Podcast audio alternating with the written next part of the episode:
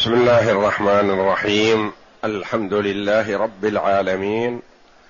والصلاة والسلام على نبينا محمد وعلى آله وصحبه أجمعين. وبعد. بسم الله. أعوذ بالله من الشيطان الرجيم. قتل الإنسان ما أكفره من أي شيء خلقه. من نطفة خلقه فقدره ثم السبيل يسره ثم أماته فأقبره ثم إذا شاء أنشره. كلا لما يقض ما أمره. حسبك. هذه الآيات الكريمة من سورة عبس.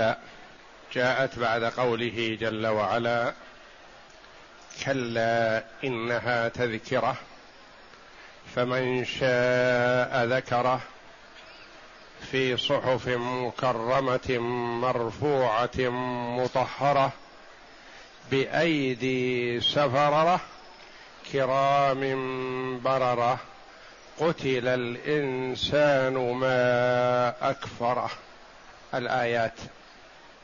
لما عاتب الله جل وعلا رسوله محمدا صلى الله عليه وسلم حينما أعرض عن الذي جاء وهو أعمى يسترشد انشغالا ببعض صناديد قريش لعل الله أن يهديهم للإسلام عاتبه الله جل وعلا في ذلك وقال له كلا إنها تذكرة فمن شاء ذكره. أي هذه السورة وهذه الآيات في صحف مكرمة مرفوعة مطهرة بأيدي سفرة كرام بررة. وتقدم الكلام على هذا قتل الإنسان ما أكفره. قتل بمعنى لعن وطرد. وهذه الكلمة تأتي على لسان العرب كثير. قتل فلان ما أظلمه ما أجهله ما أفحشه ونحو ذلك. هذا دعاء عليه. جاء على طريقة العرب فيما إذا انتقدوا الشخص في أمر من الأمور. وما المراد بالإنسان هنا؟ أهو الجنس.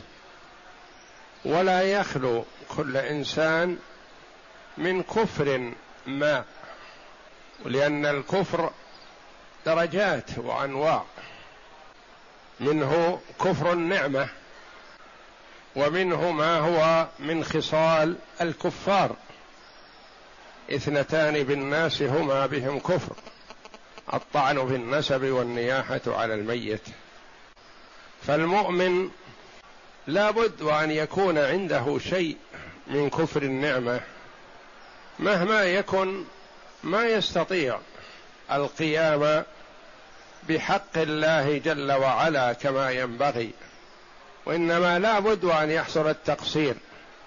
وحينما سأل أبو بكر الصديق رضي الله عنه النبي صلى الله عليه وسلم أن يعلمه دعاء يدعو به وفي رواية يدعو به في صلاته. قال قل اللهم إني ظلمت نفسي ظلما كثيرا. ولا يغفر الذنوب إلا أنت. فاغفر لي مغفرة من عندك وارحمني إنك أنت الغفور الرحيم. النبي صلى الله عليه وسلم يعلم أبا بكر الذي هو أفضل الأمة بعد نبيها. يقول قل اللهم أو رب إني ظلمت نفسي ظلما كثيرا. إذا كان هذا أبو بكر رضي الله عنه أمره النبي أن يعترف لربه بأنه ظلم نفسه ظلما كثيرا ولا يغفر الذنوب إلا الله. فيكون المراد بالإنسان العموم. ثم هذا العموم أهوى لأن كل إنسان لابد أن يكون مقصر في شيء ما. أم العموم والمراد الكفر لأن أكثر الناس على الضلال. والقلة على الحق فغلبت الكثرة. فالإنسان المراد به العموم والمراد الكافر لأن الله جل وعلا يقول وإن تطع أكثر من في الأرض يضلوك عن سبيل الله ويقول جل وعلا وما أكثر الناس ولو حرست بمؤمنين ولكن أكثرهم يجهلون والآيات في هذا كثيرة. وجاء الحديث أن الله جل وعلا يقول لآدم يوم القيامة يا آدم فيقول آدم لبيك ربي وسعديك. فيقول ابعث بعث النار من ذريتك. فيقول يا ربي وما بعث النار؟ فيقول من كل ألف تسعمائة وتسعة وتسعين. من الألف واحد في الجنة والباقي في النار.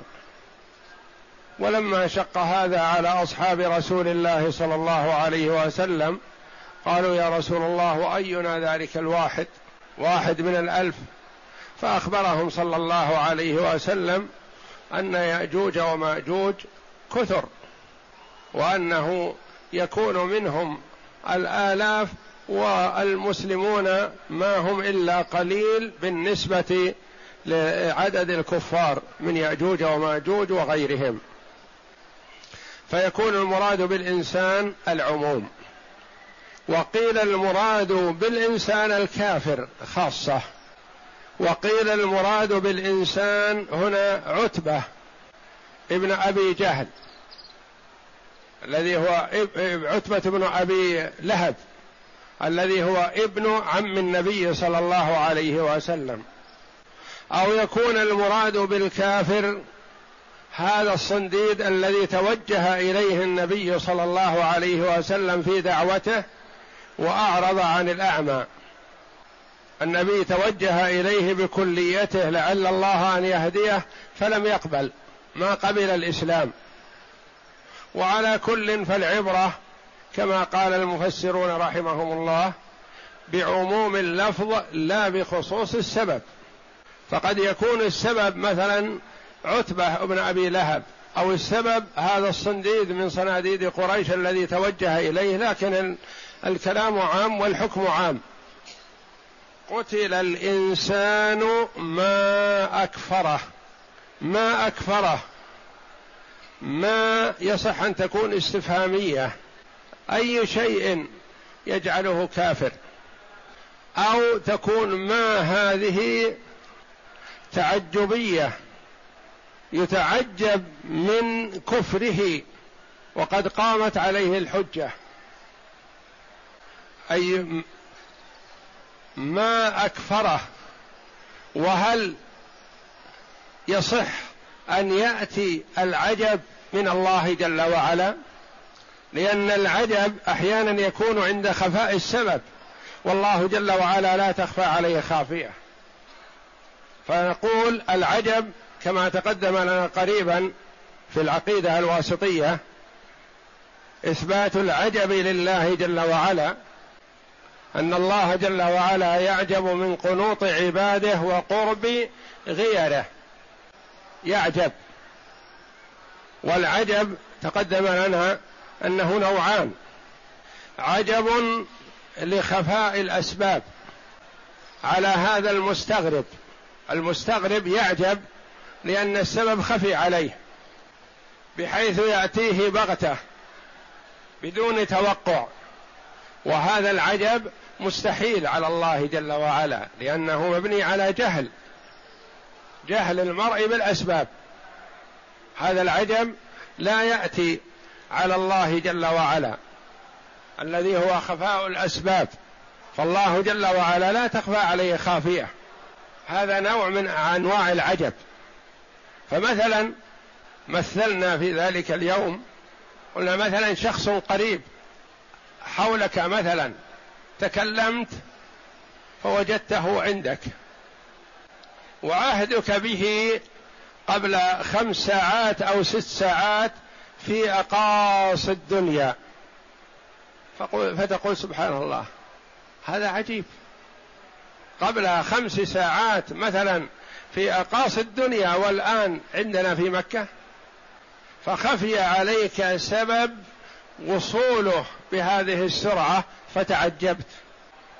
وهذا الله جل وعلا منزه عنه لأنه لا تخفى عليه خافية. ومثل ما يروى أن إدريس عليه السلام في الأرض ويروى أن ملك الموت أمر بقبض روحه بعد ثوان في السماء الرابعة. فتعجب ملك الموت مأمور بقبض روحه في السماء الرابعة وهو الآن في الأرض وما بقي إلا ثوان دقيقة قليلة جدا. فتعجب ملك الموت من هذا فإذا به بعد هذه الثواني إذا هو في السماء الرابعة مع أحد الملائكة يصعد به. فالمرء إذا خفي عليه السبب يتعجب. وهذا الله منزه عنه. النوع الثاني أن يكون السبب فيه خروج هذا الشيء عن نظائره. خروج هذا الشيء عن نظائره وكان الأولى والأجدر به والأمثل به أن يكون على خلاف هذا. فخرج عن نظائره فهذا يكون من الله جل وعلا. لأن الله جل وعلا مثلا كما نقول في مثل هذه الآية يعجب الله جل وعلا من هذا الشقي مثلا عتبة ابن أبي لهب. أولا أنه ابن عم النبي صلى الله عليه وسلم. وشرف النبي صلى الله عليه وسلم شرف له ولأبيه. وهو زوج ابنة النبي صلى الله عليه وسلم. ومزايا عظيمة تحصل له وينكث والعياذ بالله. ويعرض عن الحق عنادا وتكبرا. هذا يستدعي العجب. لو كان من قبيلة مثلا مناوئة لقبيلة النبي صلى الله عليه وسلم لقيل مثلا هذا ما هو غريب حسد. لكن هذا فخر النبي صلى الله عليه وسلم وعزه وشرفه فخر له. ما هو غريب ما هو بعيد عنه ولا غريب عنه ابن عمه وزوج ابنته. فيتعجب من إعراضه مع قيام الحجة عليه وكون النبي صلى الله عليه وسلم خصه وخص أباه بالدعوة إلى الله وترفق بهم وبين لهم الدليل وبين لهم المنهج والعقيدة الصحيحة ومع ذلك أعرض أو ذاك الذي كان يدعوه النبي صلى الله عليه وسلم. النبي صلى الله عليه وسلم توجه إليه بجملته وبكل همه لعل الله أن يهديه وبين له الأدلة وبين له البيان الواضح الشافي الكافي. ومع ذلك يعرض رسول الله جل وعلا الذي أكرم الخلق على الله يتوجه إلى هذا الشقي العنيد مثلا يدعوه إلى الله وهو يعرض. هذا يستدعي العجب. وهذا خروج الشيء عن نظائره يكون منه العجب. ويصدق على الله جل وعلا لأنه يعجب جل وعلا من هذا كيف قامت عليه الحجة ولا قابل ولا قبل كان الأجدر به أن يفرح ويسارع إلى الإيمان. إذا فخفاء الأسباب يستدعي العجب وهذا الله جل وعلا منزه عنه لأن الله لا تخفى عليه خافية. وخروج الشيء عن نظائره يستدعي العجب وهذا يقع من الله جل وعلا كما في قوله صلى الله عليه وسلم يعجب ربنا من قنوط عباده وقرب غيره. يعني اليأس والقنوط عند العباد والغيث ما بقي عليه إلا لحظات لكنهم ما يدرون والله جل وعلا يعلم. فما ينبغي للخلق أن يقنطوا وييأسوا لأن ما عند الله قريب. ما هو عند زيد ولا عمرو. ما عند الله قريب. يتوجه إلى الله فيعطيهم. فهذا خروج الشيء عن نظائره ممكن أن يكون من الله جل وعلا كما قال صلى الله عليه وسلم يعجب ربنا من قنوط عباده وقرب غيره. وفي الآية التي في الصافات على قراءة بل عجبت ويسخرون. فيها قراءتان القراءة المشهورة بل عجبت والتاء تعود إلى النبي صلى الله عليه وسلم أو إلى كل من يتأتى منه العجب. وعلى قراءة بل عجبت يعني القائل وهو الله جل وعلا بل عجبت أنا يعني الله عجب وهم يسخرون. فهذا ممكن أن يكون من الله جل وعلا. قتل الإنسان ما أكفره. ما أكفره قلنا ما هذه تصح أن تكون استفهامية ويصح أن تكون تعجبية. ما أكفره أي شيء جعله كافر وقد قامت عليه الحجة. ما أكفره ما أشد كفره وما ينبغي له أن يكون ذلك لأن البراهين واضحة والأدلة بينة. قيل معناه أي شيء أكفره أي دعاه إلى الكفر وهو استفهام توبيخ. وقيل المراد بالإنسان عتبة ابن أبي لهب. ومعنى ما أكفره التعجب من إفراط كفره مع قيام الحجة عليه. وكانت تحته إحدى بنتي النبي صلى الله عليه وسلم فأمره أبوه أن يطلقها فطلقها. فتزوجها عثمان رضي الله عنه الذي هو ثالث الخلفاء الراشدين رضي الله عنهم أجمعين. والملقب عثمان بذي النورين لأنه تزوج بنتي رسول الله صلى الله عليه وسلم. تزوج الأولى فلما توفيت تزوج الثانية. وقال له النبي صلى الله عليه وسلم لو كان عندنا ثالثة لزوجناكها.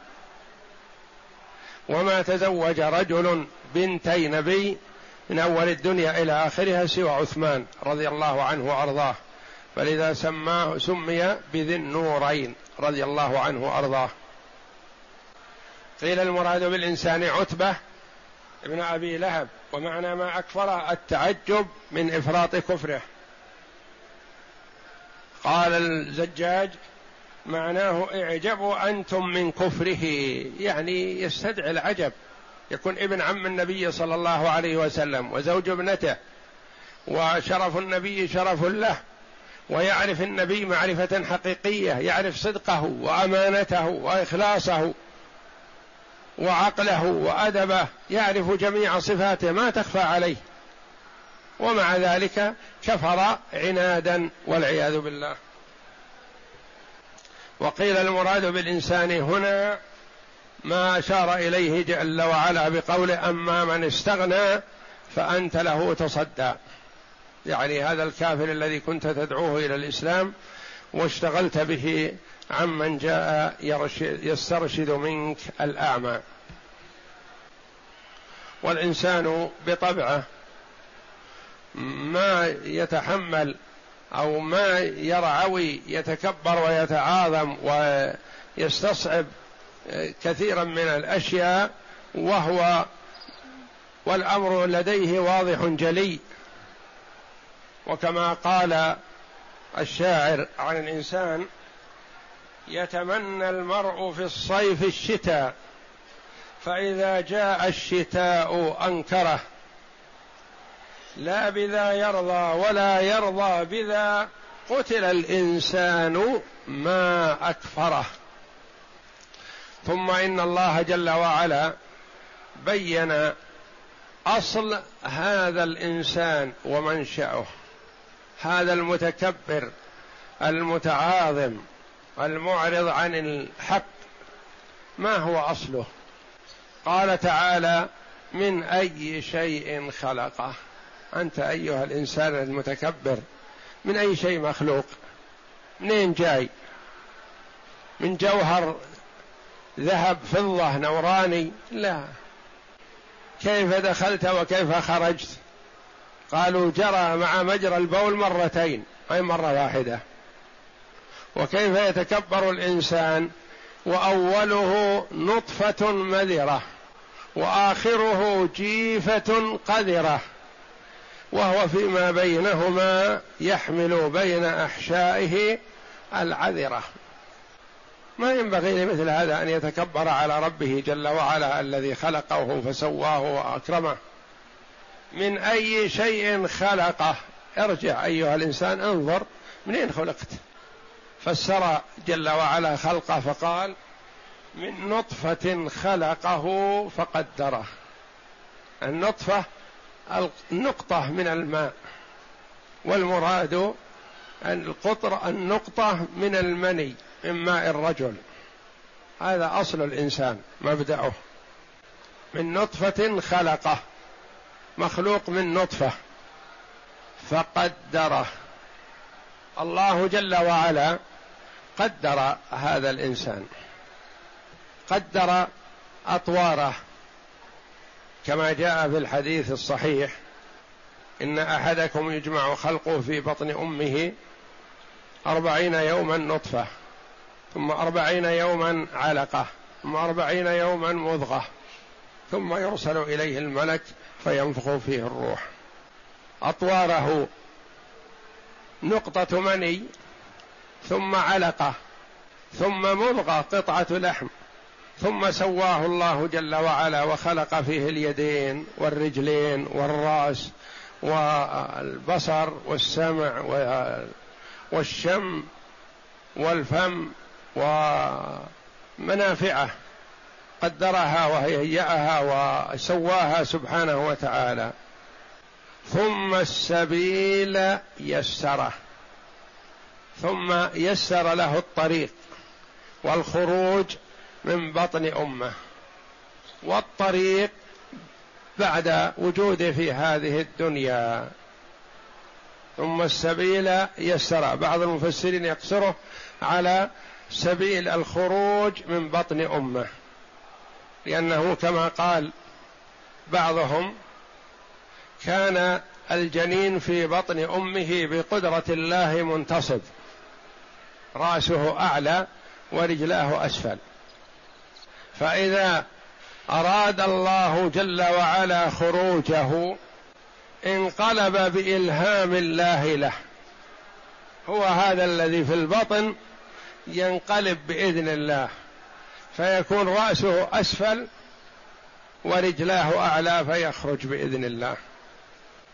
ما عنده أحد يقلبه إلا قدرة الله وإلهام هذه النطفة هذا الجنين بهذا الحركة ينقلب لأنه أسهل لخروجه أسهل له وأسلم وأسهل لأمه.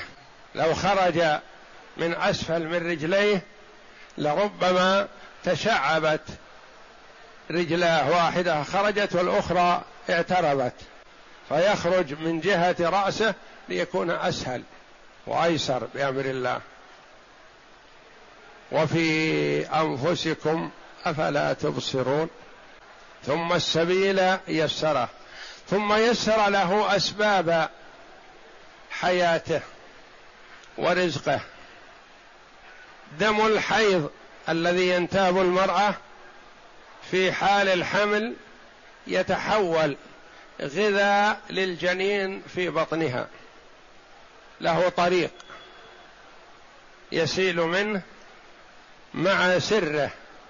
سر الجنين يأتيه غذاؤه من أمه. فإذا خرج إلى الدنيا تحول هذا الدم الذي يأتيه من جهة سره تحول إلى لبن صاف بإذن الله. يأتيه مع الثديين ترضعه أمه. وقل أن تحيض المرضع. لأن دم الحيض يتحول إلى لبن بأمر الله. فإذا قل لبنها أو فطمته تحول حيض بإذن الله يخرج في كل شهر بوقت محدد. وفي أنفسكم أفلا تبصرون.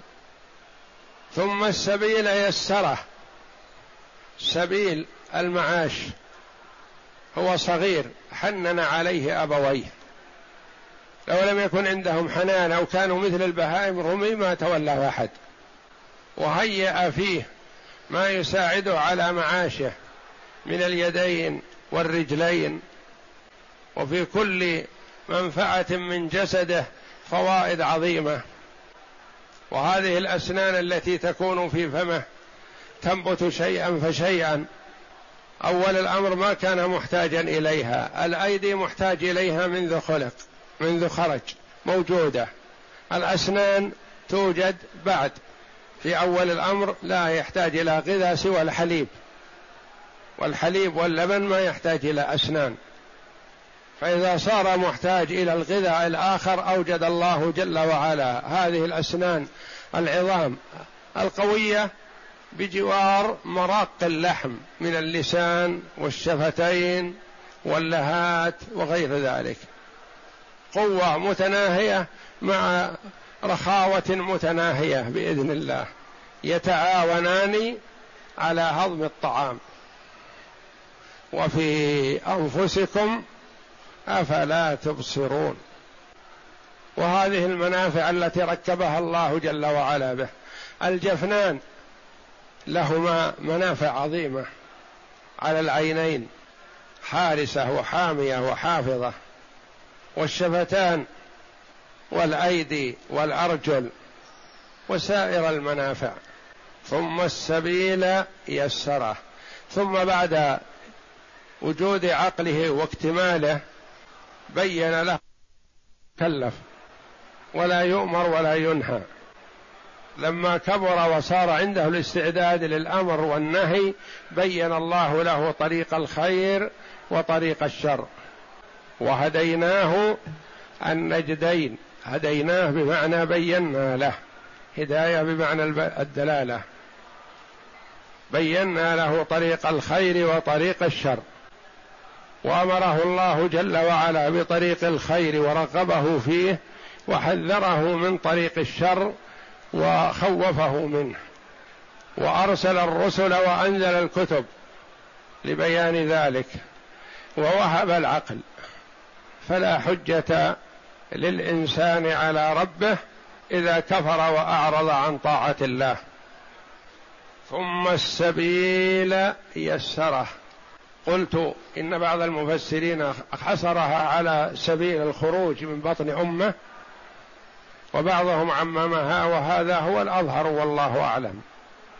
سبيل في كل شيء سبيل معاشه تجارته عمله إيمانه كفره كل شيء يحتاج إليه بينه الله جل وعلا له وهيأه له وأعانه عليه. وجعل فيه الأيدي والأرجل وهذه الأصابع مخلوقة في الأيدي والأرجل والأرجل لمنافع عظيمة. وهذه الأظافر في نهاية الأصابع كالحماية لها والمقوية لها. ولو تأمل الإنسان ما في نفسه من المنافع لتعجب العجب العظيم من قدرة الصانع تبارك وتعالى وحكمته ولطفه بعباده جل وعلا وإنعامه عليهم. ثم السبيل يسره ثم أماته فأقبره. قد يقول قائل هذا تعداد نعم. فهل الموت نعمة؟ يقال نعم. الموت نعمة. لأنه اولا لن يصل إلى الجنة إلا بعد الموت. ولو لم يمت مثلا ما وصل إلى الجنة. لأن الجنة بعد البعث. ثم إن الموت نعمة. إذا هرم الرجل وضعفت قواه وضعف عقله. وصار يكاد يضر نفسه ويجني على نفسه الهلاك. فموته راحة له ونعمة وراحة لمن حوله. لأنه إذا كبر وذهب عقله وصار ما عنده إلا التخريف صار نقمة على نفسه وعلى من حوله. فالموت حينئذ نعمة والموت ليس لأحد دون أحد حتى يكون عذب به هذا وأكرم الآخر بعدم الموت لا. الرسول عليه الصلاة والسلام أكرم الخلق على الإطلاق قال الله جل وعلا له إنك ميت وإنهم ميتون. وبين له قرب أجله صلى الله عليه وسلم وخيره ربه حينما احتضر بين البقاء في الدنيا والعيش عيشة الملوك وبين اللحاق بالرفيق الأعلى فاختار عليه الصلاة والسلام حال الاحتضار الرفيق الأعلى. تقول عائشة كان يرفع إصبعه وهو لا يتكلم عليه الصلاة والسلام من سكرات الموت. فتقول عرفت أنه لا يختارنا اختار الرفيق الأعلى عليه الصلاة والسلام. فالموت إذا نعمة ثم القبر هذا نعمة عظيمة للإنسان وكرامة له. ما جعله جل وعلا مثل سائر الحيوانات إذا مات يرمى في مكان ما تأكله الطيور والوحوش والحشرات. أكرمه الله جل وعلا بهذا القبر. فيه كرامة له وكرامة لذويه. فذووه يسارعون في هذا يسارعون في إكرامه وإكرام الميت بسرعة تجهيزه. وقد رغب النبي صلى الله عليه وسلم في ذلك فقال أسرعوا في الجنازة. فإن تكن صالحة فخيرا تقدمونها إليه. وإن تكن سوى ذلك فشر تضعونه عن رقابكم. ما بالك لو أن الاباء والأمهات والأجداد آه، بين أيدينا إذا ماتوا رميناهم في مكان ما. فالله جل وعلا هدى ابن آدم الأول لما قتل أخاه أرسل الغراب يحفر لأخيه ليواري سوءه أخيه فأرشده إلى أن يعمل مثل عمل هذا الغراب. وامتن الله جل وعلا بالقبر على عباده فهو كرامة لبني آدم القبر. كرامة لهم كلهم لمؤمنهم وكافرهم. حتى الكافر لو كان ما يقبر مثلا تؤذي منه. ثم أماته فأقبره. قالوا هناك فرق بين قبره وبين أقبره. قبره يعني دفنه. أنت تقول مثلا أنا قبرت أبي وأخي. يعني دفنتهم. ويقال محمد أقبر عمه. أقبر عمه. محمد عليه الصلاة والسلام ما دفن أبا طالب وإنما أمر بدفنه. لما جاء علي رضي الله عنه إلى النبي صلى الله عليه وسلم فقال إن عمك الشيخ الضال قد مات. قال اذهب فيه فواره. اذهب به فواره.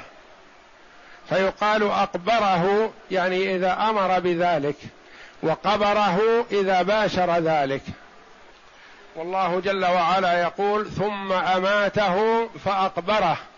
يعني الله جل وعلا أمر به أن يقبر ولا يترك على سطح الأرض وإنما يدفن كرامة له. ثم قال ثم إذا شاء أنشره. هنا علق النشرة والحياة بمشيئة الله جل وعلا لأن هذا شيء مجهول. ما يعلمه إلا الله. بخلاف السابقات فهذا يعلم. الحمل يعلم. ويعلم متى الوضع. يحدد الآن الأطباء يقولون في حدود العشر الأول مثلا من ربيع الثاني من جماد الأولى من كذا. يعني في حدود أيام مختلفة أربعة أيام خمسة أيام أسبوع في أولها ووسطها وآخره معلوم بإذن الله لأنه يدرك بتطورات الجنين في الرحم. بخلاف الحياة بعد الموت فهذه لا يعلم عنها. لا ملك مقرب ولا نبي مرسل. متى هي؟ ولذا قال ثم إذا شاء أنشره. انشره نشره وبعثه واحياه. وهذا بمشيئة الله جل وعلا وعلمه لا يعلمه لا ملك مقرب ولا نبي مرسل. ثم إذا شاء أنشره. كلا كلمة ردع وزجر للإنسان الكافر المعرض عن طاعة الله مع اعترافه بهذه الأمور التي قرره الله جل وعلا بها. هو ينكر أنه كان في رحم أمه. ينكر أن سبب وجوده كان من نطفة من ماء أبيه في رحم أمه. ما ينكر هذا. كلا ردع وزجر لهذا الإنسان الكافر المعرض عن طاعة الله مع بيان أحواله. كلا لما يقضي ما أمره. لما بمعنى لم تأتي. لم يفعل الإنسان ما أمره الله جل وعلا به وهو الإيمان. هذا قول. والقول الآخر الذي اختاره الإمام ابن كثير رحمه الله قال لما يقضي ما أمره يعني أن الله ينشره لكن متى إذا قضى الله جل وعلا ما أراد وجوده في هذه الدنيا. يعني إلى الآن ما قضى الله جل وعلا ما أراد وجوده في الدنيا. لا يزال الخلق يتتابعون. ستكون النشرة بعد انتهاء ما أراده الله جل وعلا وجودا. كلا لما يقضي ما أمره لم يقضي لم ينتهي لم يصل الحد النهائي الذي أراد الله جل وعلا وجوده. يتأخر البعث والنشرة إلى ذاك الوقت الذي أراده الله جل وعلا. يقول تعالى ذاما لمن أنكر البعث والنشور من بني آدم قتل الإنسان ما أكفره. قتل الإنسان لعن الإنسان. قال أبو مالك وهذا لجنس الإنسان المكذب لكثرة تكذيبه بلا مستند بل بمجرد الاستبعاد وعدم العلم. قال ابن جريج ما أكفره ما أشد كفره. وقال ابن جرير ويحتمل أن يكون المراد أي شيء جعله كافرا. أي ما حمله على التكذيب بالمعاد. وقد حكاه البغوي عن مقاتل ما أكفره ما ألعنه. ثم بين تعالى له كيف خلقه من الشيء الحقير. وأنه قادر على إعادته كما بداه. فقال تعالى من أي شيء خلقه؟ من نطفة خلقه فقدره. أي قدر أجله ورزقه وعمله وشقي أم سعيد؟ ثم السبيل يسره. قال العوفي عن ابن عباس ثم يسر عليه خروجه من بطن أمه. وكذا قال عكرمة والضحاك وأبو صالح. هذه كقوله تعالى إنا هديناه السبيل إما شاكرا وإما كفورا. أي بينا له ووضحنا له وسهلنا عليه. وكذا قال الحسن وابن زيد وهذا هو الأرجح والله أعلم. ثم أماته فأقبره أي أنه بعد خلقه له أماته فأقبره أي جعل له ذا قبر. والعرب تقول قبرت الرجل إذا ولى ذلك منه. وأقبره الله وعضبت قرن الثور وأعضبه الله وبترت ذنب البعير وأبتره الله. ثم إذا شاء أنشره أي بعثه بعد موته ومنه يقال البعث والنشور. ومن آياته أن خلقكم من تراب ثم إذا أنتم بشر تنتشرون. وقال تعالى وانظر إلى العظام كيف ننشئها كيف ننشزها ثم نكسوها لحما. قال ابن أبي حاتم عن أبي سعيد عن النبي صلى الله عليه وسلم قال يأكل التراب كل شيء من الإنسان إلا عجب ذنبه. قيل وما هو يا رسول الله؟ عجب ذنبه وهو أسفل العصعص. وهو شيء يسير كالخردلة. اللي ما يمكن يرى إلا بالمكبر. معين ما يرى بالعين المجردة هذا عجب الذنب لأنه شيء يسير كالذرة. يبقى بإذن الله جل وعلا في الأرض ومنه ينشأ الإنسان في يقال أنه هو أول ما وجد وهو أو أول وهو الباقي منه يخلق الإنسان عند البعث والنشور بإذن الله فيكون كالبذرة للإنسان. والله جل وعلا يرسل مني الماء. ورد أربعين يوما ماء كمني الرجال. فتنبت الأجساد بإذن الله من الأرض فإذا اكتملت أمر الله جل وعلا إسرافيل بنفخ البوق فينفخ فيه فتتطاير الأرواح إلى أجسادها كل روح إلى جسدها الذي كانت معه في الدنيا. والجسد هو نفس الجسد الذي كان في الدنيا إلا أنه يعطى من القوة ما لم يعطاه في الدنيا وإلا فهو هو لأنه بعث وليس خلق جديد. لأنه إحياء للماء وجمع لما تفتت من جسم الإنسان بإذن الله. وإلا فكيف يعذب جسم ما عصى؟ بل هو هو الجسم نفسه الذي كان في الدنيا هو المطيع وهو العاصي.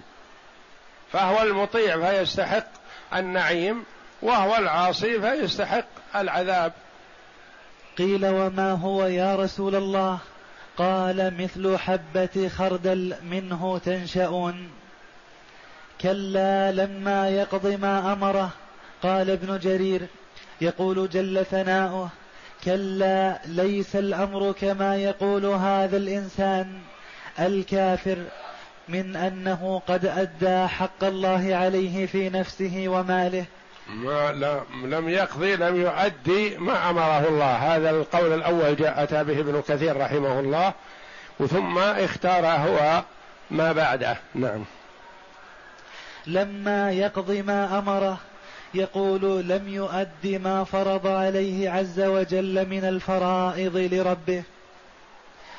ثم روي كلا لما يقضي ما أمره قال لا يقضي أحدا أبدا كلما افترض عليه وحكاه البغوي عن الحسن البصري بنحو من هذا ثم إذا شاء أنشره أي بعثه كلا لما يقض ما أمره أي لا يفعله الآن حتى يفضي المد حتى تنقضي المدة ويفرغ القدر من بني آدم. القول الآخر لم لا يبعث الله جل وعلا الخلق ويحييهم الإحياء للبعث والنشور حتى ينتهي خلق وإيجاد ما قدر الله وقضاه وجوده في الدنيا.